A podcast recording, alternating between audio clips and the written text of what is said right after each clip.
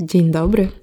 Słuchajcie, zdałam sobie sprawę, że nie mam żadnego takiego powitania ani czołówki, które byłyby powtarzalne, bo czasem się witam, czasem się nie witam, tylko zaczynam od razu od konkretów, czasem mówię jakieś, jako, jakieś schematyczne powitanie, e, a czasem walę z grubej rury i czy to dobrze, czy to źle? Nie wiem. Może to jest element zaskoczenia przynajmniej. Może, może przez to, że nigdy nie wiecie, czego się spodziewać, to, to jest ciekawiej. Przyjmijmy, że tak jest po prostu, bo nie wiem, czy kiedykolwiek będę miała jakąś czołówkę. Ale dzisiaj chciałam się przywitać, dlatego że ostatnio słucha też mnie trochę nowych osób, niekoniecznie tylko z Instagrama, co jest niesamowite. Także cześć, jeśli mnie jeszcze nie znacie, to z tej strony Julia Ziłkowska a wysłuchacie Live Better Podcast i to jest podcast, w którym ja opowiadam o takich rzeczach jak świadome życie, dbanie o siebie, jak kochanie siebie na różnych poziomach, ale też odpowiedzialna moda czy zdrowie psychiczne. A jeśli mnie znacie, no to siemka. Fajnie. Fajnie, że tu jesteście. Mega się cieszę. O czym sobie dzisiaj porozmawiamy? Słuchajcie, dzisiaj porozmawiamy sobie właśnie o zrównoważonej modzie. Dlatego, że ja w tym podcaście zaniedbuję strasznie ten temat, dlatego że o wiele bardziej pochłaniają mnie jakieś takie wellnessowe tematy, a jakoś tak ta zrównoważona moda totalnie poszła na boczny tor. Może dlatego, że ja miałam wrażenie, że wszystko, co mogło być powiedziane, to już zostało powiedziane i że nie ma do końca sensu nagrywać takich podcastów, które są takie odtwórcze i, i, że wszystko już zostało nagrane i jak się chce, to można posłuchać. Plus ja też nie, nie szukam już aktywnie treści o zrównoważonej modzie, dlatego że ja mam wrażenie, że wiem bardzo dużo i że na przykład przesłuchanie podcastu na ten temat będzie dla mnie po prostu nudne. No co mam powiedzieć? Nudne, dlatego że ja już to wszystko słyszałam. Postanowiłam więc, że podejdę dzisiaj do tematu od trochę innej strony. Dlatego, że chciałabym trochę bardziej podzielić się właśnie rozkminami, jakie ja mam na temat zrównoważonej mody i zastanowić się, czy ta zrównoważona moda w ogóle istnieje. I chciałabym Wam po prostu opowiedzieć moją historię, dlatego że dostaję całkiem często pytania, jak to się stało, że ja w ogóle się zainteresowałam tematem odpowiedzialnej mody i jak to się stało, że to już e, tak długo trwa, no bo mam 25 lat i jakieś 10 lat doświadczenia, więc rzeczywiście jest to już kawał czasu. Więc chciałabym Wam opowiedzieć o tym, ale żeby ten odcinek nie był tak cały czas takie bla bla tylko o mnie, no to będą też jakieś konkrety, czyli chciałabym Wam powiedzieć o tym, jak ta zrównoważona moda wygląda u mnie, jakie właśnie ja mam teraz podejście, dlatego że to podejście się mocno zmieniło przez ostatnie lata. Chciałabym też Wam opowiedzieć, w jaki sposób dbać o ubrania, żeby one starczyły nam na dłużej, także będą jakieś konkrety, Mam nadzieję, że dowiecie się czegoś nowego, że to nie będzie podcast jak wszystkie inne e, o, o takiej tematyce. E, także, także tak, mam, Mam taką ogromną nadzieję. Chciałabym też dodać, że ten podcast jest, sponsorowany przez markę Brown i ja zawsze się mega cieszę, kiedy takie podcasty są sponsorowane przez marki, dlatego że to pokazuje, że jest potrzeba, żeby na takie tematy cały czas mówić i żeby tę świadomość poszerzać. Także to jest super. I jak zwykle, zanim przejdę do konkretów, to chciałabym Was poprosić, że jeśli tego jeszcze nie robicie, to zaobserwujcie mój podcast, niezależnie na jakiej platformie go słuchacie. I też, jeśli możecie, jeśli macie na to ochotę, to będzie super, jeśli ocenicie mój podcast, dlatego że im więcej ocen ma, tym więcej osób może na niego trafić. A ja się tak strasznie cieszę, kiedy coraz więcej osób mnie słucha, i to jest takie cudowne uczucie, i że ta grupa słuchaczy się po prostu powiększa. I to jest właśnie też dzięki temu, że spełniacie tą moją prośbę i że oceniacie ten podcast. Także, no, nie ukrywam, będę mega, mega wdzięczna, jeśli to zrobicie. Do konkretów. Słuchajcie, jak zaczęło się zainteresowanie zrównoważoną modą w moim życiu? Powiem tak. Nie zaczęło się stricte od zrównoważonej mody.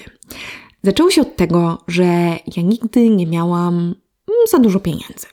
Dlatego, że ja jestem z takiej rodziny, powiedzmy, że z typowej klasy średniej, e, gdzie pracował mój tata, moja mama przez trochę czasu pracowała, ale przez większość czasu raczej nie pracowała, tylko zajmowała się domem, a ja mam jeszcze dwóch młodszych braci, więc te pieniądze, które zarabiał mój tata, musiały być po prostu podzielone na pięć osób. No i możecie sobie wyobrazić, że to raczej nie było tak, że mogliśmy sobie pozwalać na nie wiadomo co. A ja modą fascynuję się od zawsze, odkąd pamiętam. Ja już od przedszkola po prostu myślałam o tym, co ubiorę następnego dnia. Kochałam przeglądać gazety, magazyny. Jak oglądałam jakiekolwiek bajki, to najbardziej mnie interesowało to, co postacie mają na sobie, i nie lubiłam tych bajek, w których były tylko jedne outfity, bo to było strasznie nudne, a to była niestety większość. Więc ta, ta miłość do mody, miłość do ubrań towarzyszy mi odkąd pamiętam. Ale nie mogłam do końca tej miłości do ubrań hmm, odkrywać w taki sposób, jakbym chciała w tamtych czasach, dlatego że po prostu zwyczajnie nie było mnie stać na to, żeby kupować sobie rzeczy z sieciówek. Ja mogłam sobie raz na ruski rok kupić koszulkę na wyprzedaży albo jakiś top z handemu i to był szczyt moich możliwości. Poza tym absolutnie nie. Moi rodzice kupowali mi rzeczy takie, żeby były praktyczne. Niekoniecznie mi się te rzeczy podobały, raczej mi się nie podobały. No ale co, co, co zrobić? No, no tak to wyglądało. Więc jak poszłam do gimnazjum i pojawiło się Vinted, no to stało się to po prostu moją mekką, dlatego że mogłam wreszcie szukać ubrań, które naprawdę mi się podobają i które naprawdę chcę nosić. I było super to, że na Vinted można było się wymieniać, w związku z czym wymieniałam się po prostu. Nie potrzebowałam pieniędzy na to, żeby te ubrania mieć. Potem poszłam do liceum i pojawiła się opcja kupowania w lumpeksach, dlatego że wreszcie chodziłam do liceum w mieście i miałam te lumpeksy pod nosem. Więc to nie jest tak, że ja zaczęłam od zrównoważonej mody, od idei zrównoważonej mody i stwierdziłam, że będę kupować z drugiej ręki. Stało się dokładnie na odwrót. Ja najpierw kupowałam z drugiej ręki, z potrzeby, a potem dopiero dopisałam sobie do tego jakąś ideę. Dlatego, że jak byłam w liceum, to popularność zaczęły zyskiwać właśnie treści o zrównoważonej modzie, o minimalizmie i wtedy pojawiło się bardzo dużo książek na ten temat. Wtedy blogi takie jak Asia Glogaza, czy kurczę, był taki blog też jakieś Simplicity, czy coś takiego i właśnie te blogi wtedy świeciły triumfy. I dałam sobie wtedy sprawę, że wow, to, że kupuję w lumpeksach, to jest dobre. I ja się nigdy nie wstydziłam tego, że kupuję z drugiej ręki. Raczej to był dla mnie jakiś flex, dlatego że kiedy moje koleżanki mówiły, że kupiły sobie coś za 200 zł, to ja mówiłam, że ja kupiłam coś za 2 zł i jest fajniejsze niż to, co one mają za 200. Więc to była dla mnie raczej zawsze taka, wiecie, spoko rzecz. Ja się tego nie wstydziłam. Ale nagle uświadomiłam sobie, że to jest jeszcze dobre na innych poziomach. I to było w ogóle fantastyczne dla mnie, dlatego że, słuchajcie, uwaga, tutaj wjeżdża astrologia, ale ja jestem wodnikiem, a wodniki mają w sobie taką ogromną odpowiedzialność, poczucie odpowiedzialności za losy całego świata, za losy przyszłych pokoleń. E, wodniki bardzo to przeżywają i ja właśnie taka jestem. Więc gdy dowiedziałam się, jak ważna jest zrównoważona moda i dlaczego nie powinnam kupować w sieciówkach, to, to bardzo pasowało też do mojej osobowości. To pasowało ogólnie do takiego mojego światopoglądu i troski o losy świata, bo ja zawsze byłam taka bardziej proekologiczna. I zaczęłam się po prostu w to wgłębiać. Zaczęłam czytać o tym, dlaczego sieciówki są złe, dlaczego dobrze jest y, mieć ubrania z drugiej ręki, z drugiego obiegu, dlaczego poliester i akryl są złe, a dlaczego materiały takie jak właśnie wełna, bawełna, wiskoza, kaszmir, jedwab i tak dalej są dla nas fajne. I oczywiście potem zaczęłam się też zagłębiać dalej. Zaczęłam wiedzieć, że wiskoza niekoniecznie musi być taka super, jak nam się wydaje, tak samo bawełna. Dlaczego bawełna organiczna też niekoniecznie zawsze jest taka fajna, dlatego że trzeba o wiele więcej miejsca na te wszystkie takie bio, eko uprawy. Yy, też ta organiczna bawełna podobno jest w ogóle mniej trwa, trwała i tak dalej. I zaczęłam się po prostu w to na maksa zagłębiać i zaczęłam może nie, żeby być ekspertką w tym temacie, ale naprawdę raczej ciężko było mnie czymkolwiek zaskoczyć, bo ja cały czas starałam się po prostu być na bieżąco z tymi wszystkimi rzeczami, z którymi mogłam. Ja bardzo dużo o tym czytałam. I też to był taki moment, kiedy ja się zaczęłam robić coraz bardziej bezkompromisowa. Dlatego, że ja czułam, że kupowanie w sieciówkach, czy kupowanie jakiegokolwiek poliestru, czy akrylu, to jest po prostu zło. To jest zło i koniec, i tego w ogóle nie można robić. Ja byłam. Hmm, byłam bezkompromisowa do tego stopnia, że to mi wręcz siadło na głowę, powiem szczerze. Dlatego, że w pewnym momencie, gdy miałam kupić sobie cokolwiek w sieciówce, to ja czułam na maksa wyrzutu sumienia. Niezależnie od tego, co to było. Czy to była rzecz, której potrzebowałam, czy to była bardziej jakaś zachcianka, to nie miało znaczenia. Ja czułam mega wyrzutu sumienia, że ja w ogóle cokolwiek kupuję w sieciówce. I zaczęłam też krzywo patrzeć na inne osoby, które kupowały w sieciówkach, i raczej nie byłam taka, jaka jestem teraz, w stylu rób to, co dla ciebie jest najlepsze, jak najodpowiedzialniej, jak możesz, tylko raczej byłam taka, że no, potrafiłam skrytykować takie wybory. Jednocześnie nie potrafiąc się od nich tak do końca całkowicie oderwać, dlatego że no, bardzo często było tak, że w lumpeksie nie mogłam czegoś znaleźć, co chciałam, czy na Vinted. I jednak czasem kończyło się w sieciówce, no a to powodowało właśnie wyrzuty sumienia z mojej strony. Więc to nie była jakaś taka zdrowa relacja z tą odpowiedzialną modą i mam wrażenie, że wiele osób tak ma po prostu, że to jest takie przechodzenie ze skrajności w skrajność i wiele osób po prostu krytykuje innych za, za wybory, które te inne osoby podejmują, nie wkładając wysiłku w to, żeby zastanowić się, co stoi za tymi wyborami i czy to rzeczywiście jest jakaś taka bezmyślność tej osoby, że ona kupuje w sieciówce, czy może konieczność. I ja kiedyś też taka byłam. Więc nie będę hipokrytką, mówiąc, że o, teraz to, o, ludzie to są tacy, nie wiem, to jest klasizm i w ogóle, bo nie każdy może sobie pozwolić na kupowanie w polskich markach. No słuchajcie, ja też taka byłam i byłam taka totalnie na zasadzie sieciówki nie, poliester nie, w żadnym wypadku absolutnie nie, i nie obchodzi mnie to, co ma do powiedzenia, jakby, że istnieją lumpeksy, istnieją polskie marki lub w ogóle zrównoważone marki, istnieje Vinted też jako źródło ubrań z drugiej ręki, jakby nie ma wymówek. Nie ma wymówek. I ja na nic innego, słuchajcie, nie patrzyłam. Myślę, że też to, to, co jest ciekawe, co zaobserwowałam, kiedy tak myślałam o tym, jakie było to moje podejście do zrównoważonej mody, jest to, że ta zrównoważona moda w moim przypadku niekoniecznie szła w parze z minimalizmem. Czy to powinno iść w parze? Myślę, że niekoniecznie musi, ale myślę, że dobrze by było, gdyby szło. I nie, ten minimalizm nie musi być postrzegany jako totalnie, nie wiem, że mam tylko 20 sztuk ubrań i, i that's all, tylko po prostu, że nie mam tych ubrań więcej niż tego realnie potrzebuję. I ja wtedy nie miałam takiego podejścia. Wiecie, z jednej strony ja się naprawdę starałam podejmować jak najbardziej odpowiedzialne wybory, czyli starałam się w ogóle nie kupować w sieciówkach. Zawsze patrzyłam na to, jaki skład ma dane ubranie. E, zawsze patrzyłam na to, czy ta rzecz do mnie pasuje, czy ja będę ją rzeczywiście nosić, czy to jest mój styl i tak dalej.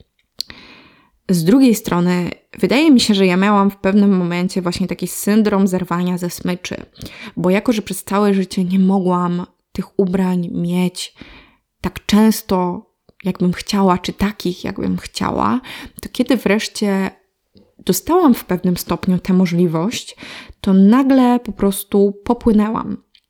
I nagle się okazało, że mi ciągle było mało. I kupowałam dużo ubrań w lumpeksach, niezależnie od tego, wiecie, jak, jak widziałam kaszmir czy jedwab, to w ogóle nie było, nie miało to znaczenia, w jakim jest kolorze, czy w jakim kroju. To był kaszmir i jedwab i ja musiałam to kupić.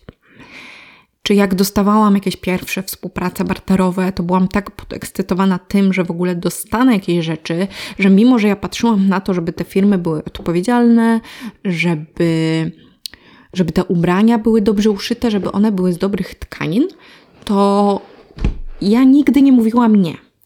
Dlatego, że cały czas miałam takie poczucie niedosytu, że ja cały czas nie mam takich rzeczy, jak ja bym chciała, cały czas nie mam ich wystarczająco.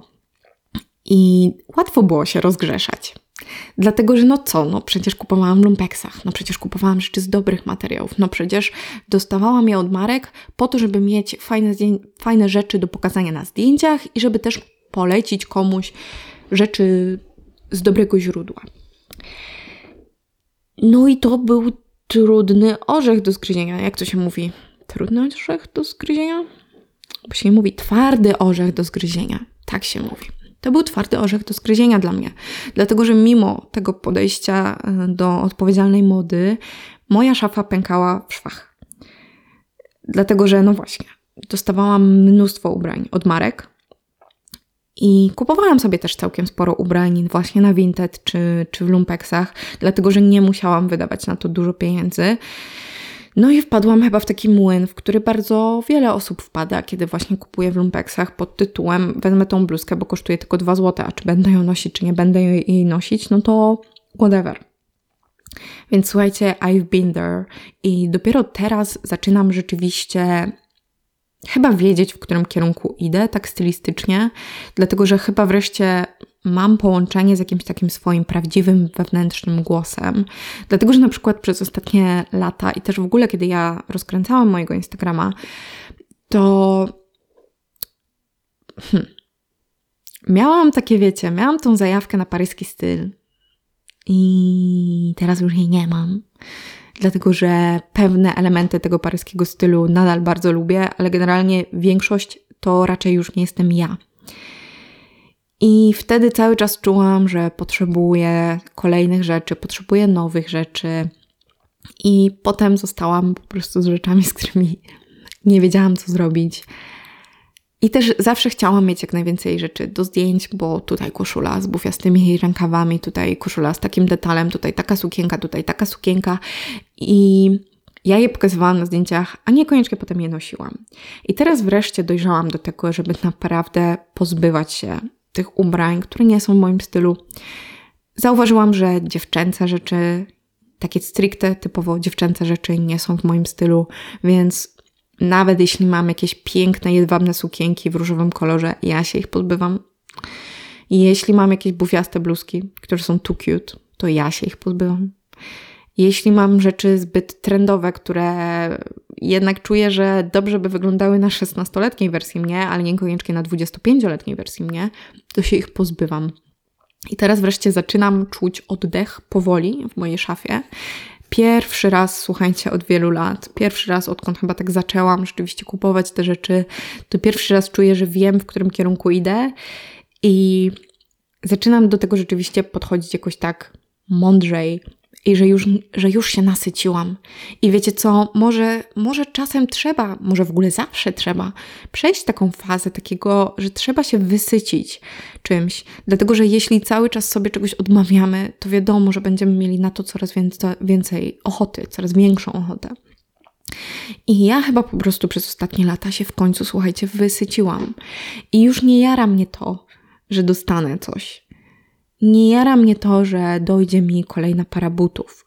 I nawet jeśli coś mi się podoba, to ja sobie zadaję pytanie, czy to jest mi rzeczywiście potrzebne. Nawet jeśli bardzo mi się podoba i nawet jeśli wyglądałabym w tym super. Na przykład wiecie, teraz mi się strasznie podobają chodaki. W ogóle podobają mi się od zeszłego roku. Ja strasznie lubię jakieś takie wiecie, dziwne, funky buty. Ja mam dosyć zachowawczy styl, ale jeśli chodzi o buty, to ja lubię, kiedy one są trochę takie bardziej szalone. Więc nic dziwnego, że trend na chodaki no mi się bardzo spodobał. I patrzyłam sobie na Vinted, były chodaki w mega spoko cenach, ale tak sobie pomyślałam, no okej, okay, ale ile masz par butów? Które buty masz ulubione? I tak realnie, to do czego będziesz nosić te chodaki i czy na pewno będziesz je nosić tak często, jakbyś chciała? I na razie odpowiedź na to pytanie brzmi nie. Nie nosiłabym ich tak często, jakbym chciała, dlatego że doskonale wiem, że latem wybieram albo klapki, albo japonki, albo ewentualnie mokasyny, albo ewentualnie sportowe buty, zależnie od pogody. I te buty byłyby taką, taką trochę, taką, takie trochę na doczepkę. One nie byłyby takie noszone i kochane, a ja po prostu zauważyłam, że ja chcę, żeby moje rzeczy były totalnie noszone i totalnie kochane. Że jest mi smutno, kiedy ja nie jestem w stanie korzystać z jakichś rzeczy, i dlatego świadomie zaczęłam ograniczać ich ilość, dlatego że ja chcę wynosić dane rzeczy. Ja nie chcę ich mieć dwa razy na sobie i dacyt. Ja chcę się nimi cieszyć. Ja chcę, żeby one stały się częścią mnie, częścią mojego stylu, częścią jakiegoś takiego mojego DNA wręcz. Ja chcę mieć więź z tymi rzeczami.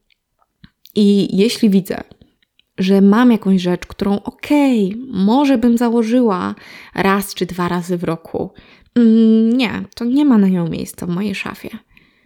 I teraz mam takie podejście, ale wiecie, musiałam właśnie przejść przez ten moment takiego totalnego, totalnego tłumacz. I serio, teraz patrzę sobie na swoją garderobę, która w końcu robi się trochę bardziej przestrzenna, i czuję, że to jeszcze nie jest ta przestrzeń, której której potrzebuję, że chciałabym mieć tego jeszcze mniej, ale z drugiej strony wszystko małymi krokami, bo ja też już miałam takie sytuacje w życiu, że zbierałam się do sprzątania szafy i nagle wszystko po prostu wystawiałam na sprzedaż i wszystko oddawałam, a potem się okazywało, że żałowałam, bo na przykład sprzedałam jakąś fajną koszulę, którą dalej bym bardzo chętnie nosiła. Albo jakieś buty, które w sumie to mogłam sobie zostawić. Więc wszystko powoli. Staram się, kiedy mam taki też szał sprzedawania ubrań, może to jest w ogóle, zastanawiam się, może to jest też takie dosyć niecodzienne podejście, bo wszyscy mówią o tym, żeby te szafy tak sprzątać, żeby takie opróżniać i tak dalej, ale mi się wydaje, że łatwo też można wpaść w taki szał właśnie opróżniania szaf, niekoniecznie się nad tym zastanawiając tak dogłębnie, i potem możemy zostać po prostu z niczym. Albo okaże się, że w, w jakiejś takiej ferworze entuzjazmu i sprzedawania ubrań i wystawiania ubrań i, i właśnie tego, że ta szafa robi się coraz bardziej pusta, to można sprzedać rzeczy, które bardzo chętnie by się nosiło. Więc kiedy ja też widzę, że już trochę mam tak za bardzo, że już mam ochotę po prostu sprzedać, sprzedać, sprzedać, no to trochę, wiecie, potrzebuję wziąć głęboki wdech, wycofać się, dać sobie chwilę, spróbować ponosić daną rzecz. Staram się też na przykład nie wystawiać na sprzedaż rzeczy, które nie są aktualnie na te pory roku, albo których na przykład jeszcze w danej porze roku nie zdążyłam ponosić. Oczywiście to jest też praktyczne, dlatego że nie ma sensu latem sprzedawać grubych swetrów czy wełnianych spodni, dlatego że nikt nie jest tym za bardzo zainteresowany.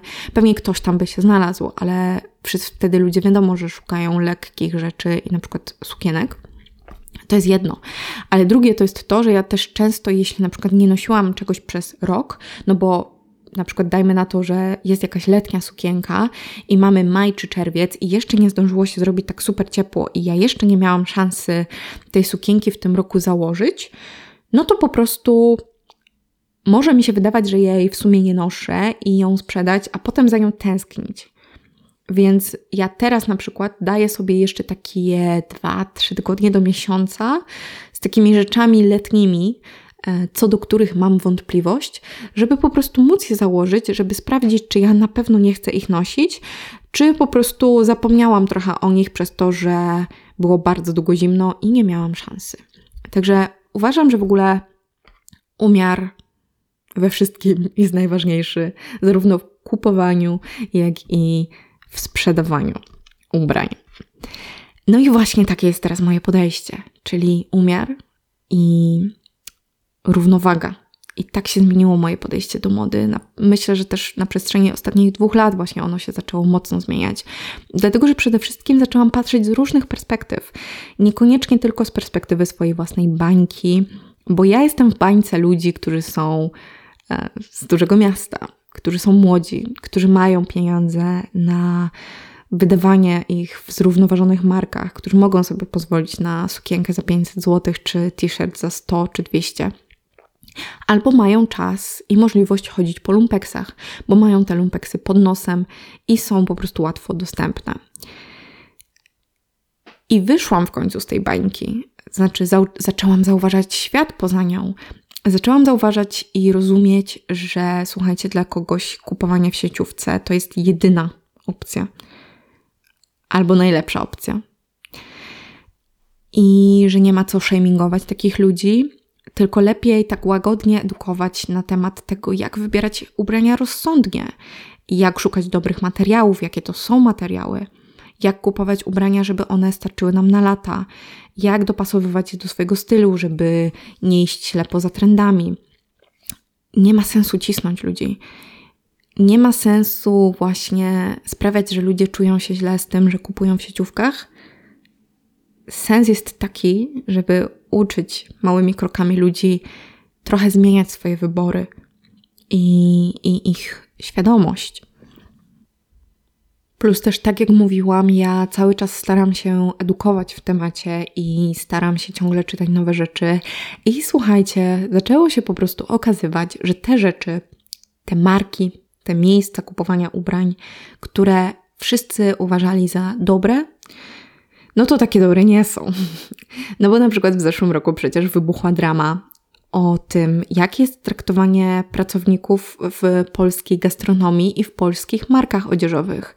I nagle cały Instagram przejrzał na oczy, że w szwalniach są złe warunki, że nieraz szwalnie w Polsce naprawdę mało czym się różnią od szwalni w krajach trzeciego świata. I serio chciałabym przesadzać, ale niestety, niestety za bardzo nie przesadzam że marki, które pozują na transparentne i takie mm, super, ale jesteśmy ekstra i odpowiedzialni, no to te marki stosują mobbing wobec swoich pracowników, mm, że tkaniny, które są podane na metce, niekoniecznie łączą się z rzeczywistością, nie, niekoniecznie mają pokrycie w tej rzeczywistości i coś, i garnitur, który jest podpisany jako 100% wełna, nagle okazał się w 100% z poliestru.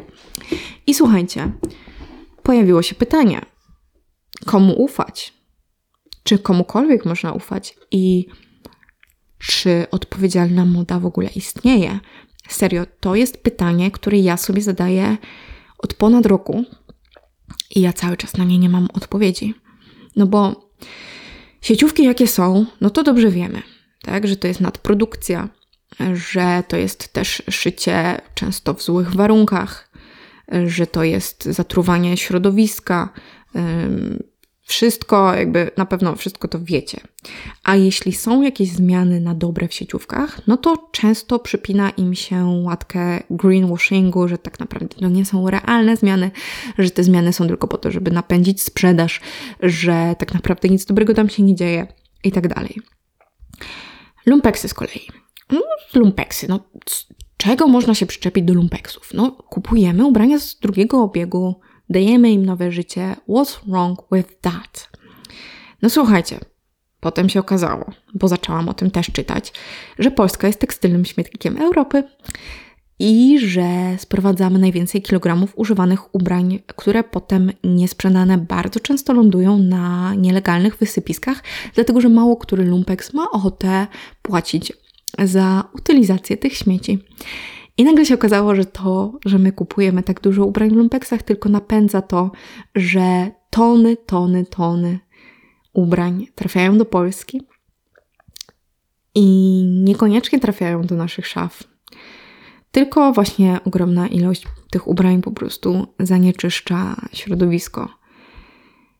I lumpeksy też sprzyjają nadmiernej konsumpcji, kon, i lumpeksy też sprzyjają nadmiernej konsumpcji, tak jak już mówiłam, tak jak to było w moim przypadku i myślę w przypadku wielu osób, no właśnie ze względu na niskie ceny. I zostajemy z górą ubrań, z którymi też nie wiemy, co zrobić, i często też może się skończyć tak, że je wyrzucamy.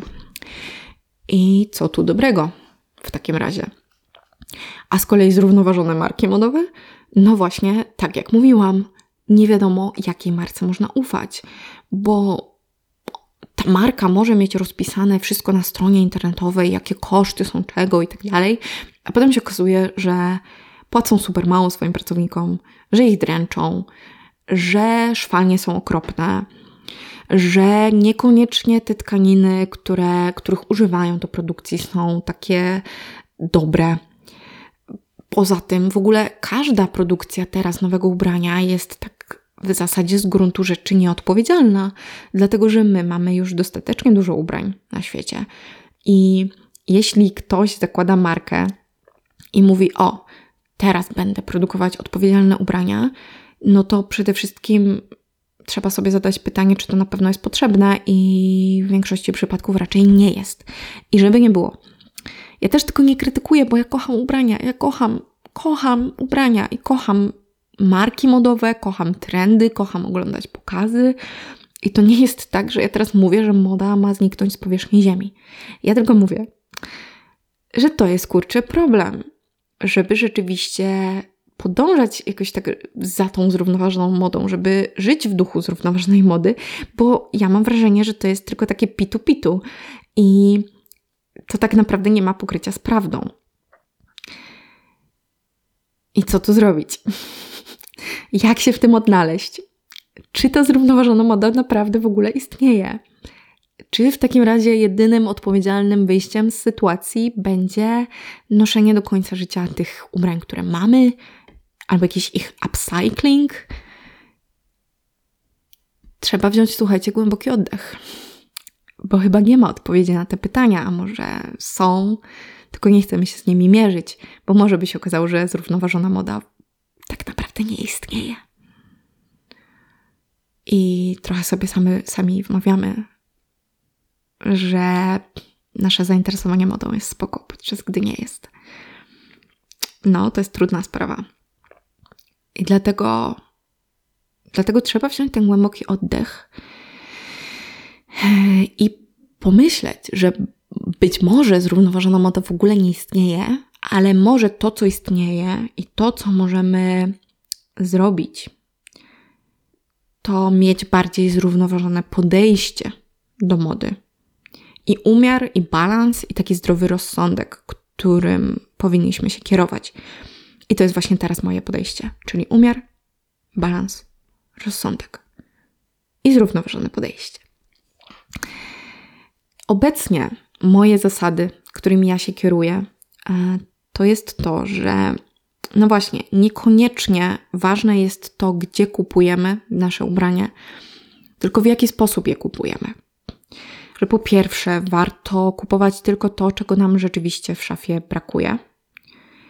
Ale z drugiej strony, no trzeba być też w tym takim, no właśnie, umiarkowanym, bo trzeba się zastanowić, czy na przykład jeden biały t-shirt to jest rzeczywiście wystarczająco.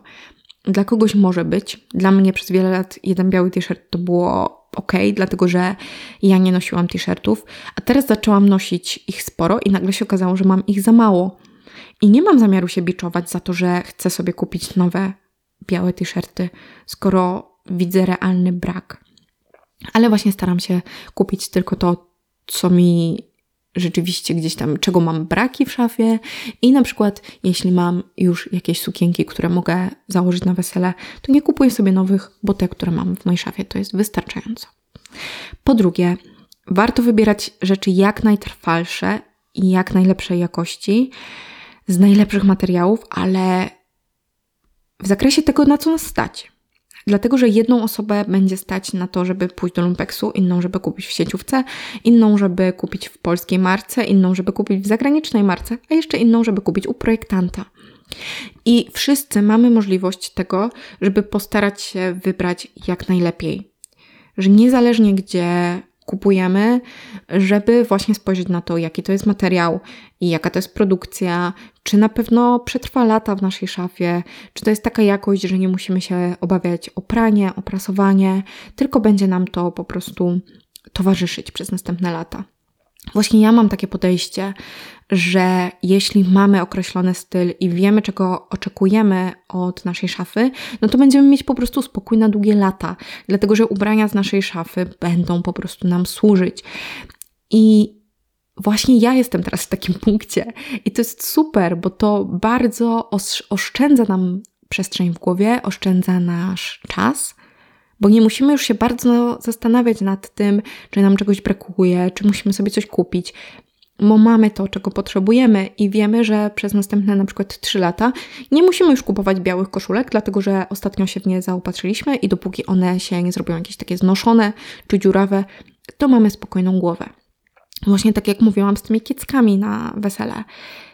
Ja mam obecnie chyba trzy sukienki, które nadają się na wesele, ale w ogóle miałam dotychczas tylko jedną. I to była, to jest świetna zielona sukienka, którą zakładam na wszystkie wesela, na wszystkie imprezy i wiem, że po prostu wyglądam w niej jak milion dolarów i naprawdę nie obchodzi mnie to, że wszyscy znajomi już wiedzą, że ja posiadam tę kietkę w szafie, dlatego że po prostu zakładanie jej nie wymaga ode mnie absolutnie żadnego myślenia, bo nie dość, że ja nie muszę szukać czegoś nowego, to jeszcze nie muszę się przejmować tym, jak wyglądam, dlatego że wiem, że wyglądam wspaniale. I chciałabym, żeby moje wszystkie ubrania właśnie w taki sposób mi służyły, że ja nie muszę o tym myśleć i ja nie muszę się tym zajmować. Ja wiem, że to ubranie w mojej szafie jest, że mi służy i, i that's enough. I zobaczcie, ile ramów w swojej głowie można dzięki takiemu podejściu zwolnić. No i właśnie też y, jeszcze raz poruszę ten temat tego, tego źródła ubrań, że nie chcę być taka surowa, bo, bo nie każdy ma takie same możliwości. I na przykład nie mogę absolutnie przeżyć nadal osób, które kupują ubrania w Shein. No po prostu nie mogę. Ale słuchajcie, to, czego ja się też nauczyłam przez te ostatnie lata, to jest to, że ludzie, którzy kupują w Shein, dlatego że tylko na to ich stać, albo że tylko tam są rozmiary, a są na przykład osobami plus size, nie stanowią źródła problemu. Ja też się doedukowałam do tego stopnia, że wiem, że problemem są ludzie, których stać na to, żeby kupować odpowiedzialnie, których stać na to, żeby kupować dobre składy, dobrą jakość, ale za to wolą wydawać tysiące złotych czy tysiące dolarów właśnie w Shein i robić potem jakieś ogromne hole zakupowe i wyrzucać te rzeczy po jednym razie, dlatego że się podarły. To jest źródło problemu. A tak poza tym, to ja nie chcę już też shamingować ludzi za to, gdzie kupują i jakie wybory podejmują.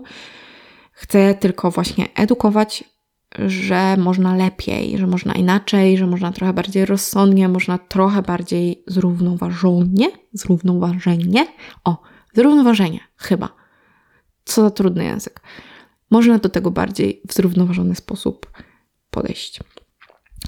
I też to, co jest istotne właśnie w tej odpowiedzialnej modzie, to jest też dbanie o to, co mamy już w szafie, czyli dbanie o nasze ubrania. Dlatego, że kiedy mamy już te ubrania najlepszej jakości, na jaką nas stać, to dobrze potem o nie dobrze dbać, właśnie po to, żeby nam na lata służyły.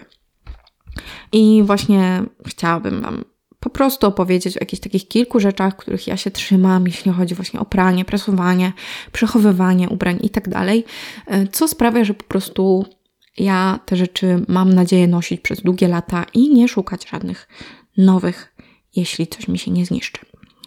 Jeśli chodzi o pranie, no to ważne jest to, żeby prać serio tylko wtedy, kiedy ubranie tego wymaga.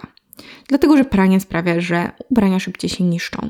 I wiadomo, Bawełniana koszulka często przetrwa nam tylko 1-2 dni, ale na przykład jeansy czy sweter już potrzebują prania naprawdę, naprawdę, naprawdę rzadko. W zasadzie tylko wtedy, kiedy się rzeczywiście poplamią. Ale w takich sytuacjach też bardzo często można sprać plamę miejscowo, zamiast wrzucać całość do pralki. Bo na przykład jeansy czy swetry można ze spokojem przewietrzyć i to będzie, słuchajcie, wystarczające, więc pranie jak najrzadziej. Warto prać wszystko na lewej stronie. Warto zabezpieczyć ubrania, przed jakim wiecie, pozapinać rozporki, guziki, jakieś takie sprzączki, wszystko, co nam ewentualnie może zahaczyć, podrzeć i tak dalej. Jeśli chodzi o temperaturę, im wyższa, no tym szybciej wypukują się kolory. Im wyższa, tym biel bardziej szarzeje. Dlatego Pierzemy, wiadomo, zgodnie z metkami, ale myślę, że 30-40 stopni do takich normalnych ubrań to jest taka optymalna temperatura. Jeśli chodzi o delikatne tkaniny, to ja bym tu się skłaniała ku w ogóle zimnej wodzie, czyli 0 stopni, albo 20 stopni, czyli takiej trochę cieplejszej, ale raczej nic takiego, nic takiego powyżej. Warto posegregować sobie ubrania, czyli białe rzeczy prać wyłącznie z białymi, dlatego że wtedy dłużej zachowają czystą biel. Jeśli mamy jakieś takie ubrania, które są kilkukolorowe w stylu koszulkę w biało-granatowe paski, to możemy wtedy wrzucić do prania chusteczkę, która wyłapie kolory, żeby tam nic nam się nie zafarbowało. E, właśnie jasne z jasnymi, ciemne z ciemnymi, wtedy wtedy mamy największą pewność, że nic po prostu w tej pralce, nic się nam takiego nie stanie. Poza tym właśnie już wspomniałam o plamach. Jeśli chodzi o plamy, to plamy warto sprać od razu, nie czekać aż one zaschną. Słuchajcie, ja mam mydełko odplamiające z Rossmana i to jest absolutny life changer. On mi zmywa wszystko. On mi zmywa plamy po winie, plamy po soku pomarańczowym, jakieś, nie wiem, plamy od błota i ja tylko podchodzę po prostu do umywalki w łazience, moczę tą plamę, nacieram tym mydełkiem, spłukuję i już jest gites, już jest sprana, a jeśli ta plama jest mocniejsza, to moczę, nacieram mydełkiem i wrzucam do prania, żeby jeszcze bardziej popracowało. Także słuchajcie, mydełko odplamające z Rossmana to jest must have. Musicie je mieć, musicie je kupić. Serio, serio. Po tym podcaście musicie kupić to, pudełko, to mydełko i jakby w ogóle nie przyjmuję żadnych wymówek. Co jeszcze? Delikatne materiały, właśnie, niskie temperatury i jakiś delikatny detergent, jakiś płyn do prania delikatnych tkanin, do tego niskie obroty, które nie przekraczają 400 obrotów na minutę. Także żeby nam się tam nic nie pohaczyło, żeby nic nam przypadkiem się nie podziurawiło. I można oczywiście prać ręcznie, ja tego nie robię, ja tego nie lubię. It's not my thing, pranie ręczne po prostu nie, więc ja po prostu piorę w pralce właśnie na niskich obrotach, na niskiej temperaturze. Nigdy jeszcze nic się nie wydarzyło z moimi ubraniami. I warto nie dodawać za dużo proszku, jeśli um, używacie proszku, y, dlatego że potem za dużo proszku może po prostu nam osiąść na ubraniach, może sprawić to, że nasze ubrania stają się takie szorstkie, takie nieprzyjemne. I warto też nie dopakowywać pralki tak na hama, żeby tego było bardzo dużo, tylko warto trochę więcej luzu tam zostawić, y, żeby po prostu wszystko było dokładniej wypłukane i żeby ubrania nie były aż tak bardzo pogniecione. Jeśli chodzi o suszenie, to wełniane i kaszmirowe tkaniny suszymy na płasko. Mam nadzieję, że to wszyscy wiedzą. Wyciskamy je tak delikatnie i na płasko sobie gdzieś tam na ręczniku odkładamy i nic z nimi nie robimy. Nie wieszamy ich, żeby one nam się nie odkształciły.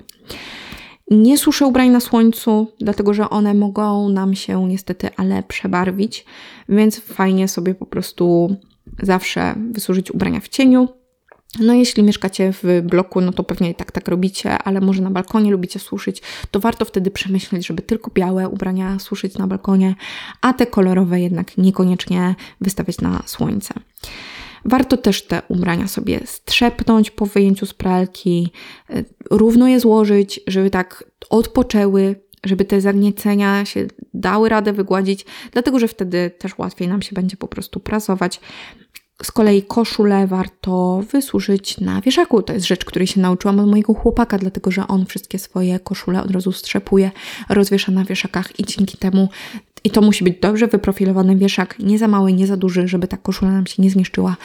I dzięki temu te koszule potem o wiele łatwiej wyprasować, one o wiele dłużej zachowują swoją formę i warto to robić po prostu. Jeśli chodzi o prasowanie, no to słuchajcie, ja się ostatnio dowiedziałam, że prasowanie jest zbawienne dla naszych ubrań. Wiedzieliście to? Ja tego nie wiedziałam. Dowiedziałam się ostatnio, że poprawia sprężystość włókien i korzystnie wpływa na tkaniny. No wiadomo, wygląda to bardziej estetycznie. Ja jakoś tak zawsze myślałam, że z prasowaniem jest trochę jak z praniem, że to może nam zniszczyć rzeczy, ale słuchajcie, okazuje się, że byłam w błędzie. Więc teraz prostuję ten błąd w tym podcaście właśnie. No i właśnie jeśli chodzi o prasowanie, no to to nie jest moja ulubiona rzecz, ale to jest jednak ważna rzecz, jeśli chodzi o dbanie o ubrania. Prasowanie może być dość wymagające dla osoby, która ma dużo ubrań z delikatnych tkanin, takich jak kaszmir czy jedwab. To jestem ja.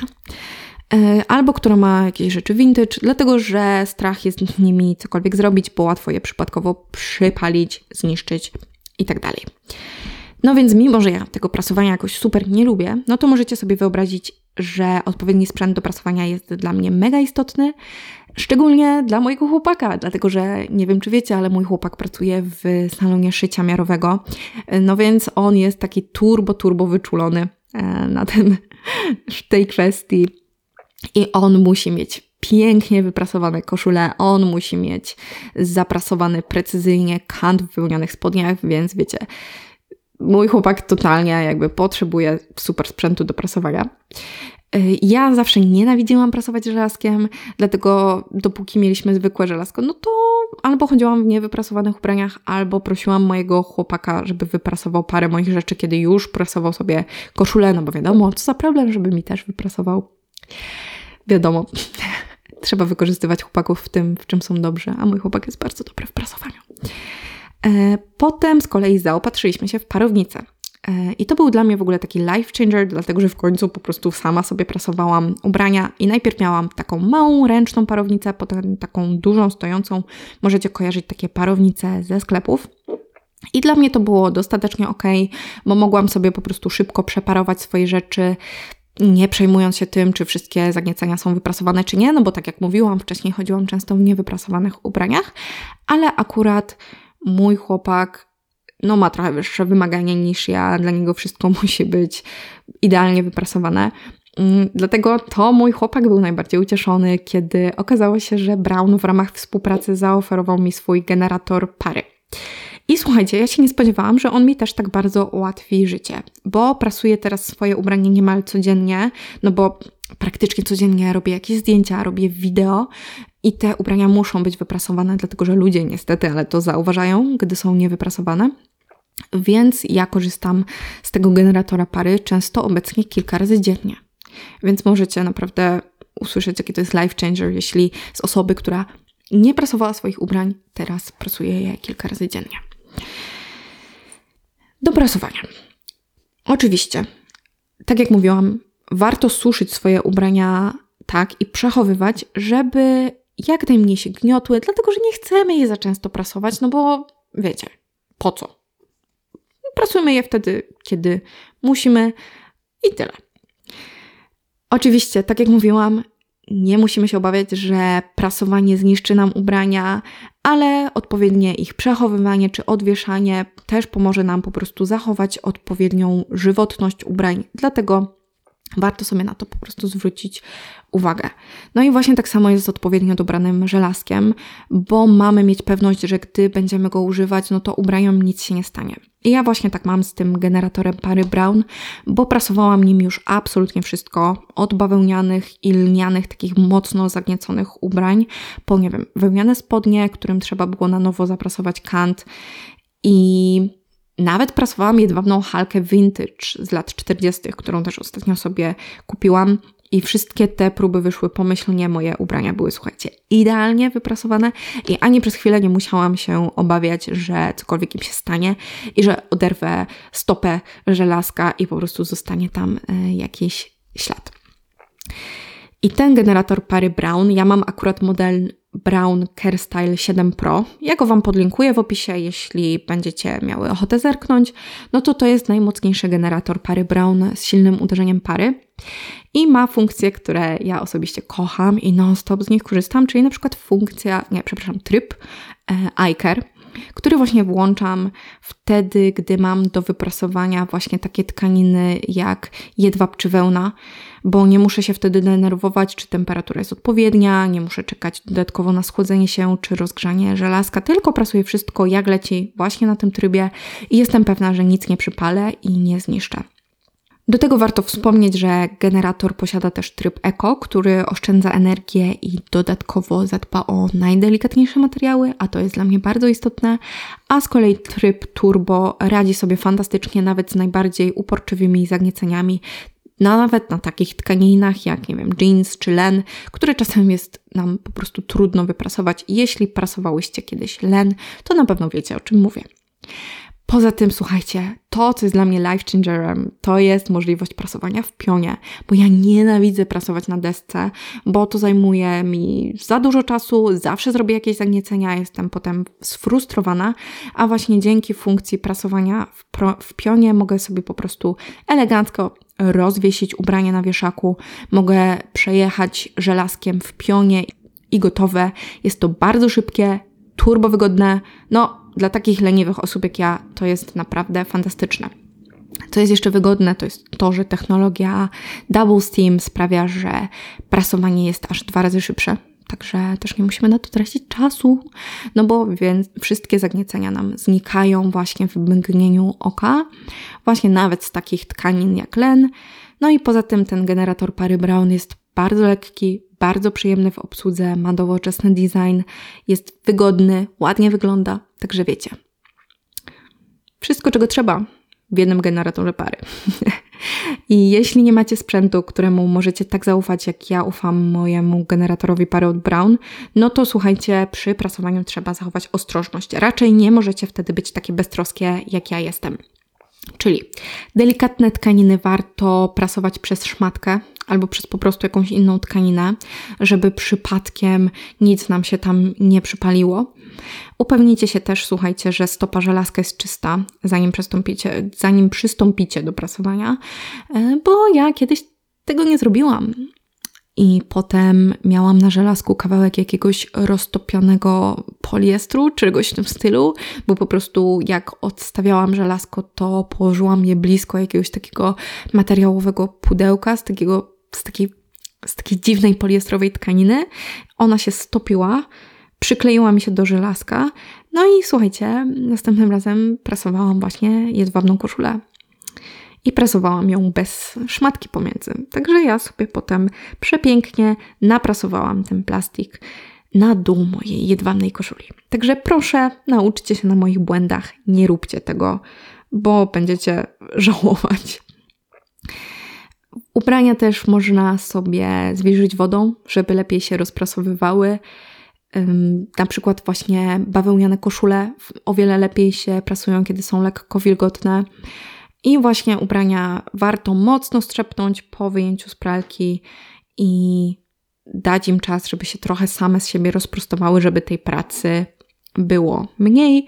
No i dla bezpieczeństwa, wiadomo, zawsze warto ubrania po prostu prasować na lewej stronie, no bo wtedy nawet jeśli zrobicie coś tak głupiego jak ja, w stylu naprasujecie plastik na jedwabną koszulę, to może e, ewentualne szkody nie będą aż tak duże. Także z tym prasowaniem słuchajcie ostrożnie, dlatego że serio tutaj dużo rzeczy może pójść nie tak. Także takimi, wiecie, najbardziej newralgicznymi punktami w w pielęgnacji naszych ubrań jest zdecydowanie pranie, żeby właśnie sprawdzać, czy przypadkiem temperatura nie jest za wysoka. No i prasowanie, żeby no żeby nie zniszczyć tych ubrań. No i dlatego właśnie ja tu się rozwodziłam przez kilka minut nad moim generatorem pary, bo po prostu mam zaufanie do tego sprzętu, jest naprawdę dobry.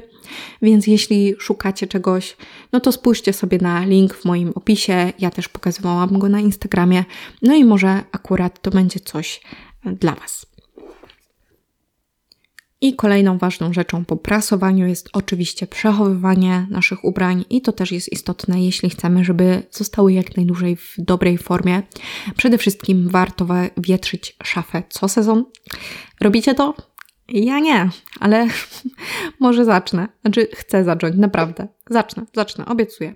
Warto przetrzeć wszystkie wieszaki z kurzu yy, i warto je po prostu posegregować. Ja sobie też lubię zimowe i letnie rzeczy trzymać osobno, po prostu w trakcie sezonu na dane rzeczy mam je rozwieszone w szafie te właśnie sezonowe, a te, które są na ten drugi sezon, to po prostu są pochowane w pudłach, pozamykane, żeby nic im się nie stało, żeby nie dopadły ich jakieś mole ani nic z tych rzeczy. Właśnie mam też teraz w szafach woreczki z lawendą, właśnie po to, żeby te mole też w szafie się przypadkiem nie zalęgły i to nie jest jakiś duży koszt, więc warto sobie po prostu takie woreczki porozwieszać w szafie, powkładać do szuflad i lepiej po prostu better safe than sorry, żeby przypadkiem nie odkryć żadnych dziurek po molach na swoich ubraniach. Fajnie sobie też takie ubrania, które są na przykład sezonowe, albo jakieś takie typowo eleganckie, albo drogie, trzymać w, w, ochronnych pokrowcach. Na przykład ja trzymam w ochronnych pokrowcach moje wełniane garnitury, mój wełniany płaszcz od Max Mary, jeśli nie ma oczywiście zimy, no bo zimą nie chcę mi się go trzymać w pokrowcu, no bo go noszę, ale właśnie w takim sezonie letnim ja sobie chronię ubrania po prostu mając je w pokrowcach. Wieszaki z kolei powinny być dobrze wyprofilowane, żeby nasze ubrania się nie wykształcały. One powinny być trochę grubsze, absolutnie nic takiego jak cienkie metalowe wieszaki, dlatego że to jest po prostu śmierć dla naszych ubrań, dla formy na, dla naszych ubrań. Formy dla naszych ubrań, formy naszych ubrań. Tak lepiej. Jeśli chodzi też o swetry, no to swetry, słuchajcie, nie wieszamy swetrów. Swetry składamy, żeby one się pod swoim własnym ciężarem nie rozciągnęły, więc warto je mieć na półkach czy w szufladach i po prostu też nie rozciągać ich, kiedy, nie wiem, się, się suszą, kiedy są mokre, no bo po prostu nie chcemy mieć powyciąganych swetrzysk. Na wieszakach warto, wieszaki wszystkie warto mieć w jednym kierunku, e, dlatego że wtedy nie dość, że to ładniej wygląda, to jeszcze ubrania się mniej gniotą, taki protip. No i warto sobie też mieć pozapinane guziki w koszulach, wtedy, kiedy odwieszamy je na wieszaki, dlatego że wtedy właśnie ubranie się też mniej pogniecie, a skoro już mamy wyprasowane te koszule, to po co prasować je drugi raz? Nie przechowuję kilku ubrań na jednym wieszaku. Jeden wieszak to jedno ubranie, a buty przechowuję w pudełkach. Buty przechowuję raczej w zamknięciu, no chyba, że to są te buty, które noszę tak na co dzień, no to wiadomo, no bez przesady, ale takie buty bardziej na jakieś okazje, są w pudełkach, żeby mi się nie zakurzyły, mają e, często prawidła w sobie. Właśnie buty, które mogą stracić formę, jak na przykład mokasyny, też są zawsze z prawidłami, właśnie po to, żeby nie było zagnieceń, żeby one były w jak najlepszej formie. Jeszcze o czym warto pamiętać? Na pewno odmechacanie ubrań, czyli warto mieć jakąś golarkę do ubrań i sobie te ubrania odmechacać, żeby one wyglądały jak najlepiej. Warto też nosić ubrania naprzemiennie. I dlatego ja nie jestem fanką takiego ekstremalnego minimalizmu, czyli na przykład posiadania tylko jednej pary jeansów, czy tylko jednej koszulki, dlatego że jeśli będziemy nosić te rzeczy non-stop, to one nam się po prostu będą szybciej niszczyć, one nam się szybciej znoszą. Dlatego warto ubrania nosić jednak naprzemiennie, niekoniecznie cały czas jedno ubranie, tylko czasem jedna biała koszula, czasem druga biała koszula, czasem jedne czarne spodnie, czasem drugie czarne spodnie. I tyle. Słuchajcie, te rzeczy, mm, ja wiem, że ja o nich opowiadałam pół godziny, ale to nie są wcale czasochłonne rzeczy, to nie są pracochłonne rzeczy. Warto po prostu mieć je w pamięci, bo dzięki temu właśnie nasze ubrania będą, słuchajcie, w najlepszym możliwym stanie. No a tego właśnie chcemy. Kiedy kupujemy sobie ubrania, bo chcemy z nich korzystać przez, przez długie lata. Słuchajcie, to by było na tyle. Ten odcinek i tak wyszedł dłuższy niż myślałam. Myślałam, że będę gadać krócej, ale mam nadzieję, że ten odcinek dał Wam do myślenia, że może sobie trochę przeformułujecie swoje podejście do odpowiedzialnej mody, może, może coś zmienicie w swoim podejściu może większy fokus będziecie teraz miały na to, jak dbać o, jak dbać o ubrania, zamiast na to, gdzie kupować te ubrania. I może z taką większą wyrozumiałością zaczniemy podchodzić po prostu do tej kwestii zrównoważonej mody, dlatego że nie każdego na to stać, nie każdy może sobie na wszystko pozwolić, ale warto być takim łagodnym edukatorem. Moim zdaniem przynajmniej. Jestem bardzo ciekawa, co myślicie. Także mam nadzieję, że jeśli macie jakieś przemyślenia, to podzielicie się ze mną nimi na Instagramie, na przykład w wiadomościach, albo może gdzieś pod jakimś postem, bo wiecie, ja nie mam monopolu na prawdę i nie mam monopolu na dobre podejście, także ja bardzo chętnie swój światopogląd rozszerzam i bardzo jestem ciekawa, co Wy o tym myślicie, czy się ze mną zgadzacie, czy może w ogóle się ze mną nie zgadzacie. No, myślę, że to może być ciekawa dyskusja. Także dziękuję Wam, że wysłuchałyście, wysłuchaliście tego podcastu. Dziękuję jeszcze raz Marce Brown za jego sponsorowanie i widzimy się jak zwykle na Instagramie, na TikToku, na blogu. Wszystko macie podlinkowane w opisie, także sprawdźcie to sobie i do usłyszenia w następnym odcinku podcastu. Hej!